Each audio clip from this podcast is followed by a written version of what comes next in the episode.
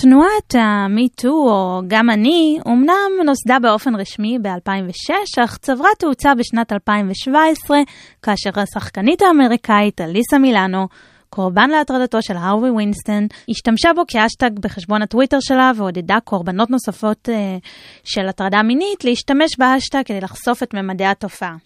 באותו היום השתמשו בהאשטג MeToo, כאמור גם אני, כארבעה וחצי מיליון איש בפייסבוק והוא צוטט בכ-12 מיליון הודעות. אמנם הקריאה הייתה לחשוף את כלל ממדי תופעת ההטרדות המיניות מכל תחומי החיים, אך אי אפשר להתעלם מאופי היחסים בין ויינסטין למילאנו, כמו אופי יחסים רבים נוספים שנחשפו באמצעות ההאשטג הזה. מילאנו הייתה כפופה לוויינסטין, וזה הופך את היכולת שלה לזעוק בזמן אמת לקשה הרבה יותר.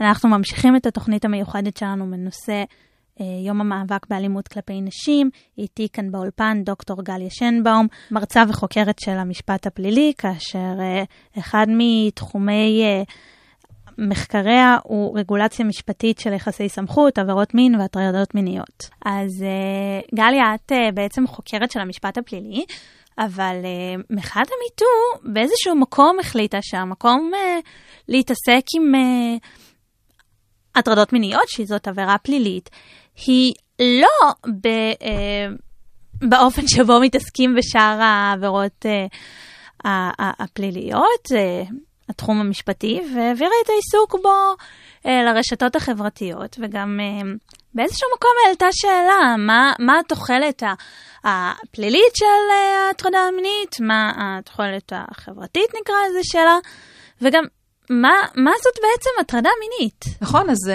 אה, בשנים האחרונות באמת יש, הייתי, הייתי אומרת, מודעות מחודשת לבעיה של הטרדה מינית, שהיא בעיה לא חדשה. אבל היא בעיה שהייתה תחושה שאחרי כמה שנים שבהם טיפלו בה וניסו לטפל בה באופן משפטי, היה תסכול די גדול מהאופן שבו אנחנו עדיין לא מצליחים להתמודד עם זה, ויש המון המון בעיות באופן שבו המוסדות המשפטיים מטפלים בזה, הקשיים בלהגיש תלונה, בלעבור חקירה, בין אם זה במקום העבודה, בין אם זה בהקשרים אחרים. אה, ובעצם תנועת מיטו זו תנועה שבעיניי אי אפשר להבין אותה בלי, בלי לחשוב על, על, אה, על השינוי הטכנולוגי שהרשתות החברתיות בעצם יצרו. אה, כי, כי בעצם מיטו זו תנועה שנולדה ברשתות החברתיות. ו... מהשטח. נכון. אה, מהשטח וגם, וגם מפלטפורמה טכנולוגית מסוימת שאפשרה בעצם, אה, לכל, מאפשרת לכל אחד אה, להפיץ מסר מאוד רחב. כן, זה, יש משפט כזה ידוע, נניח, יחסית לעולם של המדיה המסורתית, של העיתונות המסורתית, זה היום, everyone is a publisher today, כן, במציאות של הרשתות החברתיות. ומיטו זה עדיין, אנחנו עדיין בתוך זה. אה, וכמובן שה, שהתנועה הזאת אה, עוררה המון, אה, המון דיון מחודש בעצם בהטרדה מינית. אז סוג אחד של דיונים זה איך ראוי לטפל בהטרדות מיניות, והאם הענישה מספקת, או האם בתי המשפט פוסקים פיצויים מספיקים וכולי. ודיון מסוג אחר זה בעצם דיון, אה, כמו שאמרת, יותר, יותר אה, שקשור לדין המהותי. בעצם על מה זה הטרדה מינית. אה, שזה נשמע, יכול להישמע שאלה קצת אה, מוזרה, כי כאילו כבר כולנו מבינים, ובכל מקום עבודה יש training על מה זה הטרדה מינית. שזה וכולנו, לוח שתלוי בו את החוק משנות ה-90. ש... נכון, וכאילו איך עוד יכול להיות ספק מה זה הטרדה מינית, אבל ברמה הקונספטואלית זה ממש לא, ממש לא settled עדיין, ויש דיון בהרבה מקומות בעולם, וגם אצלנו, במה זה בעצם עוסק. אמ, אוקיי, אז במה זה בעצם עוסק? אוקיי, אז במה זה בעצם עוסק? אז אמ, התשובה הרגילה לשאלה הזאת, או הקונבנציונלית, זה שהטרדות מיניות זה עוסק ביחסים בין המינים. אה, וזה בעצם אה, איזשהו ניסיון להגדיר מחדש אה, מה, מה אסור ומה מותר ביחסים בין גברים לנשים. במחקר שלי אני מנסה להאיר זרקור על, על משהו אחר, ולצאת קצת מהמשבצת המגדרית. כי הטענה שלי שבעצם הטרדה מינית, אנחנו רואים אותה במציאות. כמובן שאני לא אני לא טוענת שזה, רוב המקרים הם כן מקרים ש, שקורים שהמטריד הוא גבר והמוטרדת היא אישה, אבל זה לא קיים רק במקרים האלה, ובעיניי יש, אה, ככה, הייתי אומרת שמקרי הליבה של הטרדה מינית, אלה תמיד מקרים שמערבים גם יחסי כוח מסוג אחר, שהוא לא כוח מגדרי, שהוא כוח... אה, אה, אפשר לקרוא לו כוח בירוקרטי, כוח מקצועי. כלומר, אני חושבת שכולנו, אם, אם, אם, אם נבקש ממישהו לתאר לנו, אוקיי, תתאר מקרה ככה ברור של הטרדה מינית, אז, אז, אז ישר נגיע נניח למקום העבודה או למוסדות חינוך ונדבר על הטרדה מינית שהיא בעצם top down, שהיא ביחסים היררכיים, שבהם המטריד הוא, יש לו איזושהי סמכות או כוח מקצועי אה, או כוח חינוכי, והמוטרדת אה, כפופה לו. אמ, ו... וזה לא מכיל את כל מקרי ההטרדה המינית, אבל כאמור, זה בעיניי הקטגוריה הפרדיגמטית של הטרדה מינית. אמ, ואם אנחנו חושבים על זה ככה, אז אה, זה יכול להנביע שורה של השלכות לגבי איך אנחנו צריכים להגדיר מה זו הטרדה מינית, אפילו ברמה של מי הוא צריך להיות בית המשפט המוסמך לדון בהטרדה מינית, אה, אם תרצי נרחיב על כן, זה קצת. כן, יש בעצם היום הרבה פעמים מקרים כאלה, הם נדונים בבית הדין לעבודה, זה נשמע, כמו שאמרת, זה נשמע קצת בירוקרטי ולהתעסק בשולי, אבל יש בזה הצהרה מאוד בעייתית, ש... ש, ש, שזאת בעיה של העבודה, שזאת לא בעיה פלילית. זה, זה... זה, זה בית הדין לעבודה, זה אותו בן אדם שדן בדיני פיטורים ו, ופנסיות. כן, אז אה, נכון, אז זאת דרך אחת לראות, לראות את זה באמת. אמ, אה, אבל יש, יש, יש דרך אחרת לראות את זה, mm-hmm. והיא קודם כל שאנחנו צריכים לזכור שבהטרדה מינית, בישראל לפחות, זה דווקא משהו די ייחודי לישראל, שהטרדה מינית היא גם מוגדרת כעבירה פלילית, והיא גם מוגדרת כעוולה אזרחית. אה, למשל בארצות הברית הטרדה מינית זאת לא עבירה פלילית, זאת רק עוולה אזרחית שאפשר לתבוע עליה פיצויים או איזשהם סעדים בתחום העבודה, ובישראל יש את שני המישורים. זה משהו ייחודי לחוק למניעת הטרדה מינית אה, בישראל, שנחקק בשנת 98. ו... אה, אבל אם אנחנו, אם נסתכל רגע על המישור האזרחי למשל, אז אה, אה, בשנים האחרונות התעוררה שאלה מאוד מעניינת לגבי מי מוסמך לדון כאשר יש הטרדה מינית במקום העבודה, שהיא ביחסי מרות, וההטרדה מערבת אה, גם מצב שבו היה מגע מיני מלא, סקס מלא.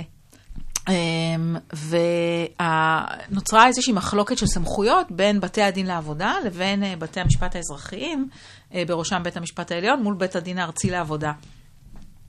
והמחלוקת הזאת, חוץ מזה שהיא מחלוקת על סמכות, אתה תמיד מחלוקת על סמכויות, אפשר להסתכל, אוקיי, כל ערכאה רוצה ככה לנכס לעצמה את הסמכות, אבל אה, בעיניי המחלוקת הזו מסתירה גם ממש מחלוקת מהותית שהיא מאוד מעניינת ולא תמיד שמים לב אליה, לגבי מהי הטרדה מינית.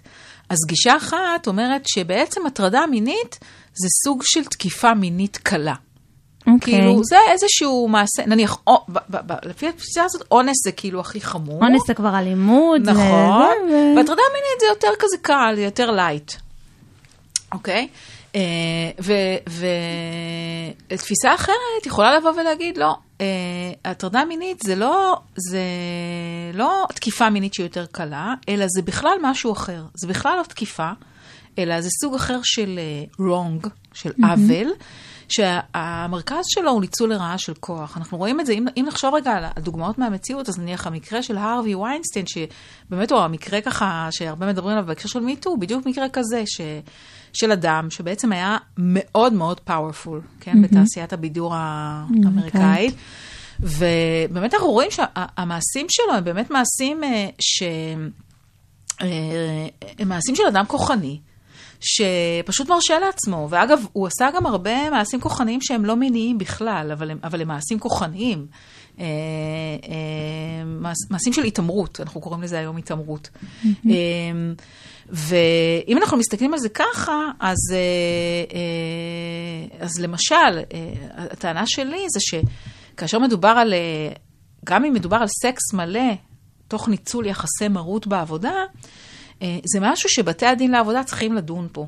דווקא לא מתוך התפיסה... דווקא הביר- בתי כן, ה... אוקיי. דווקא לא מתוך התפיסה הבירוקרטית שזה פנסיות ו- וחוזים ופיצויי פיטורין, אלא מתוך התפיסה שבית הדין לעבודה זו ערכאה שיש לה איזושהי מומחיות לגבי מערכת יחסי העבודה, לגבי הדינמיקה הארגונית, אוקיי? בתוך ארגונים.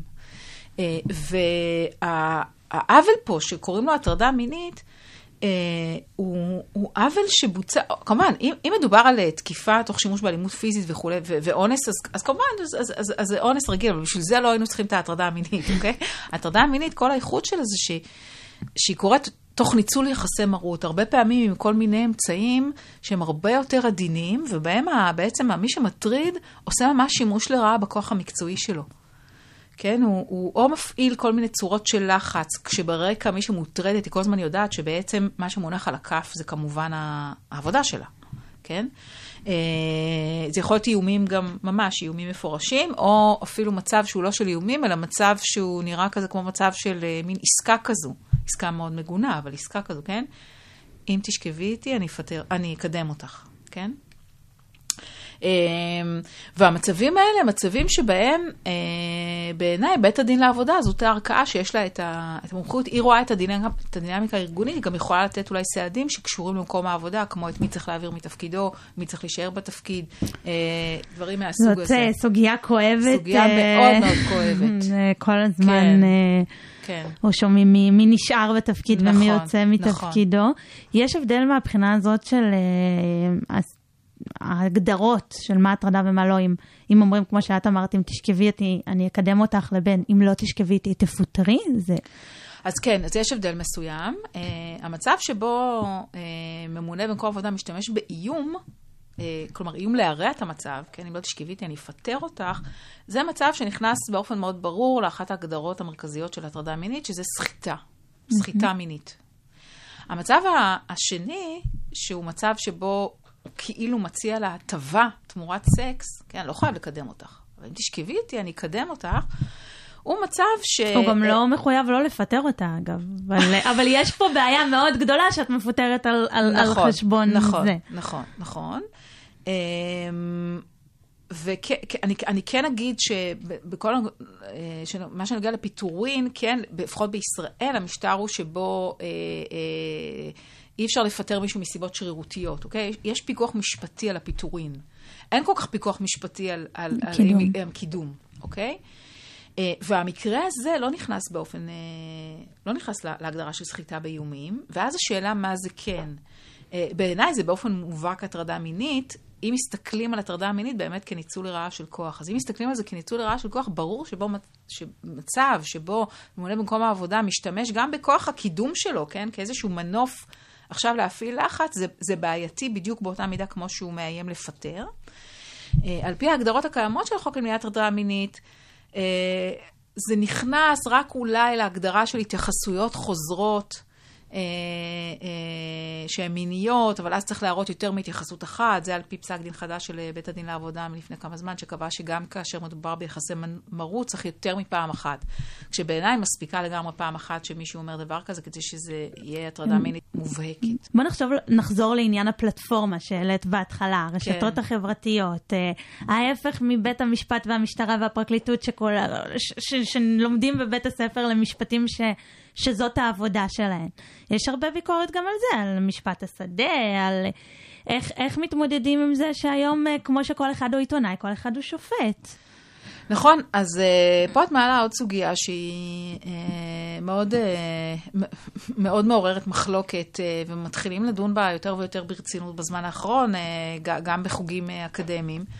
Uh, וזה באמת השאלה איך מתנהל כל, כל, כל התהליך שבו uh, uh, חושפים אדם ש, שחשוד בהטרדה מינית, או מאשימים אותו. בעצם אה, התנועת מיטו, בעצם חלק מזה שהיא היא נולדה ברשתות החברתיות, זה מתוך אה, איזשהו מיאוס, הייתי אומרת, או חוסר אמון מאוד גדול של אה, מתלוננות, של נפגעות הטרדה מינית, אה, כלפי מערכת המשפט, שבעצם הן באות ואומרות, אנחנו לא רוצות ללכת ולהגיש תלונה, ולעבור את כל הוויה דלורוזה הזו בתחנת המשטרה ואחר כך בבית המשפט, אה, אבל יש לנו היום כלי. שהוא כלי שיש לו כוח, ואנחנו נשתמש בו ברשת החברתית. וזה יוצר אבל בעיות אחרות. ופה בעצם אנחנו, הביקורת שעולה היום זה באיזה מידה בעצם תנועת MeToo היא מהווה ויתור על ההליך המשפטי, אה, גם על הדברים הטובים שיש בהליך המשפטי. אה, שהרי ההליך המשפטי, עם כל, ה, עם כל הביקורת שיש כלפיו, יש בו, מושקע בו המון מאמץ לשיפוט שהוא ניטרלי, מנקודת מבט ניטרלית, לשמוע את שני הצדדים. יש נתלי הוכחה בהליך המשפטי, כן? יש שורה שלמה של ערובות פרוצדורליות שנועדו להבטיח ש, שההליך הזה יהיה מאוזן. ומה שאנחנו רואים ברשת החברתית זה שבעצם, אה, כמו שאמרת, זה לפעמים יכול להיות משפט אה, שדה, מין אה, אה, מובינג כזה. אה, ואנחנו יודעים שיכולות להיות תוצאות מאוד אה, קשות מבחינת אה, מי שמואשם. אנחנו יודעים שאנשים אה, ביום אחד יכולים לאבד את, את העבודה שלהם, את כל, את, כל, את כל מה שהם השקיעו בו. אה, אז אפשר להגיד מצד אחד, אוקיי, מגיע להם, כן? אבל אה, אנחנו כמובן צריכים לחשוב על זה, ש, שמגיע להם, זה אנחנו יודעים אחרי שביררנו. ו, אה, וברשתות החברתיות זה לא ממש בירור מאוזן, שמעניק לכל אחד את הזכויות שלו. מצד שני אפשר לבוא ולהגיד, התהליך הפלילי הוא נגד המתלונן ב... זאת אומרת, באופן מובנה כשמדובר על משהו ש, שזה, הוא אמר, היא אמרה, היא מתלוננת, צריך מעל 50 אחוז, יש פה שני אנשים שזה, אם אין אה, כל מיני תלונות, אה, תמונות ומכתבים ו, ואנשים ש, שזה מאוד קל שלא יהיו כשזאת סוג העבירה. אז יודעת שהיא לא... שהיא יכולה הרבה זמן, הרבה משאבים, הרבה משאבים נפשיים להשקיע, למשהו ש, שהיא לא יכולה שיהיה לה יותר מ-50 אחוז, היא לא יכולה. אה, נכון, ואפשר אה, גם להגיד יותר מזה אפילו. אפשר להגיד, מה בעצם אנחנו רוצים ממיטו? הרי, הרי התוצאה של uh, הליך מיטו, כן, זה הרי לא שהאדם נכנס לכלא ולא שהוא צריך לשלם פיצויים. מה שקורה בסך הכל זה שאישה שחושבת שהיא נפגעת, מפרסמת את, ה, את השם שלו, את הפרטים שלה, זה כאילו זכותה, אוקיי? Mm-hmm. Okay? Uh, ואת צודקת לגמרי במה שאמרת, שההליך המשפטי הוא, הוא מלא בעיות מבחינת מתלוננות. אני, אני חושבת אבל שאם ההחלטה שלנו כחברה, וזה קיים לא, לא רק בעבירות מיניות ובהטרדות מיניות, אנחנו, אנחנו כחברה החלטנו שאנחנו מוכנים לשלם כל מיני מחירים, לרבות, uh, לפעמים אנחנו לא נגלה את האמת, לפעמים אנחנו ניתן לאנשים uh, שהם אשמים לברוח, כן, לחמוק מאכיפה. כי החלטנו שהערכים הפרוצדורליים של קיום הליך משפטי הם, הם מאוד מאוד חשובים לנו, והשאלה לאן כל זה הולך לאיבוד בעבירות המיניות. האם זה תחום שאנחנו רוצים להגיד, אוקיי, בתחום הזה אנחנו עכשיו נניח, לא יודעת מה, לאיזושהי תקופה אנחנו מוכנים לשים בצד את כל הערכים האלה, אה, או שאנחנו רוצים לשמור על הערכים האלה גם, גם בתחום הזה. אה, אני אישית חושבת שאנחנו רוצים לשמור על הערכים, על הערכים האלה גם בתחום הזה, כי אני, כי אני חושבת שבסופו של דבר, אה, אנחנו נשלם מחיר על זה, גם אנחנו לא רואים אותו כרגע, זה שאנחנו נהיה מוכנים, אה, וזה יבוא לנו במקומות שאנחנו לא מצפים. כלומר, ברגע שאנחנו נהיה מוכנים ככה אה, לא לברר את האשמה של אנשים ולהסתפק בעצם במה שכל אחד אומר, אה, אז יכולים להיות לזה הרבה מחירים, וגם בתחומים אחרים, לא רק בתחום הזה. יש לזה איזושהי קשת של התמודדויות בעולם, מה שנגיד קודם דיברנו. כאלה שכן מקבלים לחלוטין, כאלה שלא מקבלים לחלוטין. תראי, הדיון הביקורתי בזה הוא, הוא נמצא די, די, די בחיתוליו. כלומר, אני ככה, הדיון במיטו הוא דיון אה, אה, מאוד רחב, גם כן מכל מיני סוגים, אוקיי? יש אה, למשל, יש עמדות פמיניסטיות שבאות ואומרות, תראו, תנועת מיטו זה בעצם תנועה שבאה לבטא ובצדק את חוסר הסבלנות שלנו. נגמרה לנו הסבלנות למערכת המשפטית ולכל החולאים שלה. ויש לנו פה בעיה חברתית מאוד קשה שאנחנו לא מצליחים להתמודד איתה, ולכן מיטו זה תנועה מאוד מאוד חשובה, זה סוג אחד של uh, תגובה. Uh, סוג נוסף של תגובה זה באמת uh, לנסות ולחשוב יותר על uh, איזה סוגים של הטרדות מיניות דווקא הגיעו לחזית הבמה, ועוד פעם לדבר באמת על מה שדיברתי עליו, על הדמויות הכוחניות האלה, שיש להם המון כוח, ואיך דווקא הן נמצאות בחזית. ו, וסוג שלישי של דיון זה באמת דיון יותר ביקורתי ב, ב, בהליך הזה של מיטו, אה, שפוגע בכל מיני זכויות אה, פרוצדורליות. אני חייבת לומר ש, שאני דווקא בדקתי את זה בזמן האחרון, ודווקא אפ, אפילו אנשים שמאוד מבקרים את המחירים שיש למיטו, מאוד נזהרים מלהגיד, אוקיי, אז צריך לאסור את זה, אני יודעת מה, גם אי אפשר, כן? זה, זה, זה, זה יותר מין מחשבות כאלה ומין שאלות. של אולי להזכיר לעצמנו שוב פעם כמה חשוב לתקן את הליקויים שקיימים במערכת המשפטית, כדי שאולי תהיה פחות פנייה אה, אה, לאפיקים האלה. אני יודעת שלמשל, גוף כמו הפרקליטות אצלנו, מאוד מאוד מוטרדים מה, מה, בעצם מהבעת חוסר אמון הזו של מתלוננות בעצם במערכת אכיפת החוק, ומנסים לחשוב על דרכים לשפר את המערכת הזו. אפשר באמת לתת משפט צדק אה, אחרי, לתת משהו... ניטרלי, נקי, מה שמנסים לצייר את המשפט אחרי שהוא דינוני באינטרנט נגזר? אמ, תראי, אני מאלה שמאמינים שעוד אפשר. הבעיה שהרבה פעמים לא יהיה הליך משפטי. אוקיי? זאת אומרת, לא זה לא שיהיה הליך משפטי שאחריו יישב בית משפט וידון, אלא בכלל לא יהיה הליך משפטי. אה, כי, כי, כי המתלוננת לא רוצה להתלונן וכולי, אז לא, אז לא יהיה הליך משפטי. אני חושבת שאם יהיה הליך משפטי, אז... Uh, אמ, כמובן שאני לא עיוורת להשפעה שיש אה, לאינטרנט ולתקשורת, וכמובן שהשופטים הם, אה, הם יושבים בתוכנו. אה, אבל אני, אני כן מאמינה שמרבית השופטים, יש להם לפחות ניסיון לשפוט על פי מיטב מצפונם. ו, ואני מאמינה ש... לא תמיד, לא בכל המקרים, אבל אני, אני מאמינה שהם כן מצליחים לעשות את זה. הם בטח מנסים. דוקטור גליה שינבאום, תודה רבה לך. תודה רבה, קרן.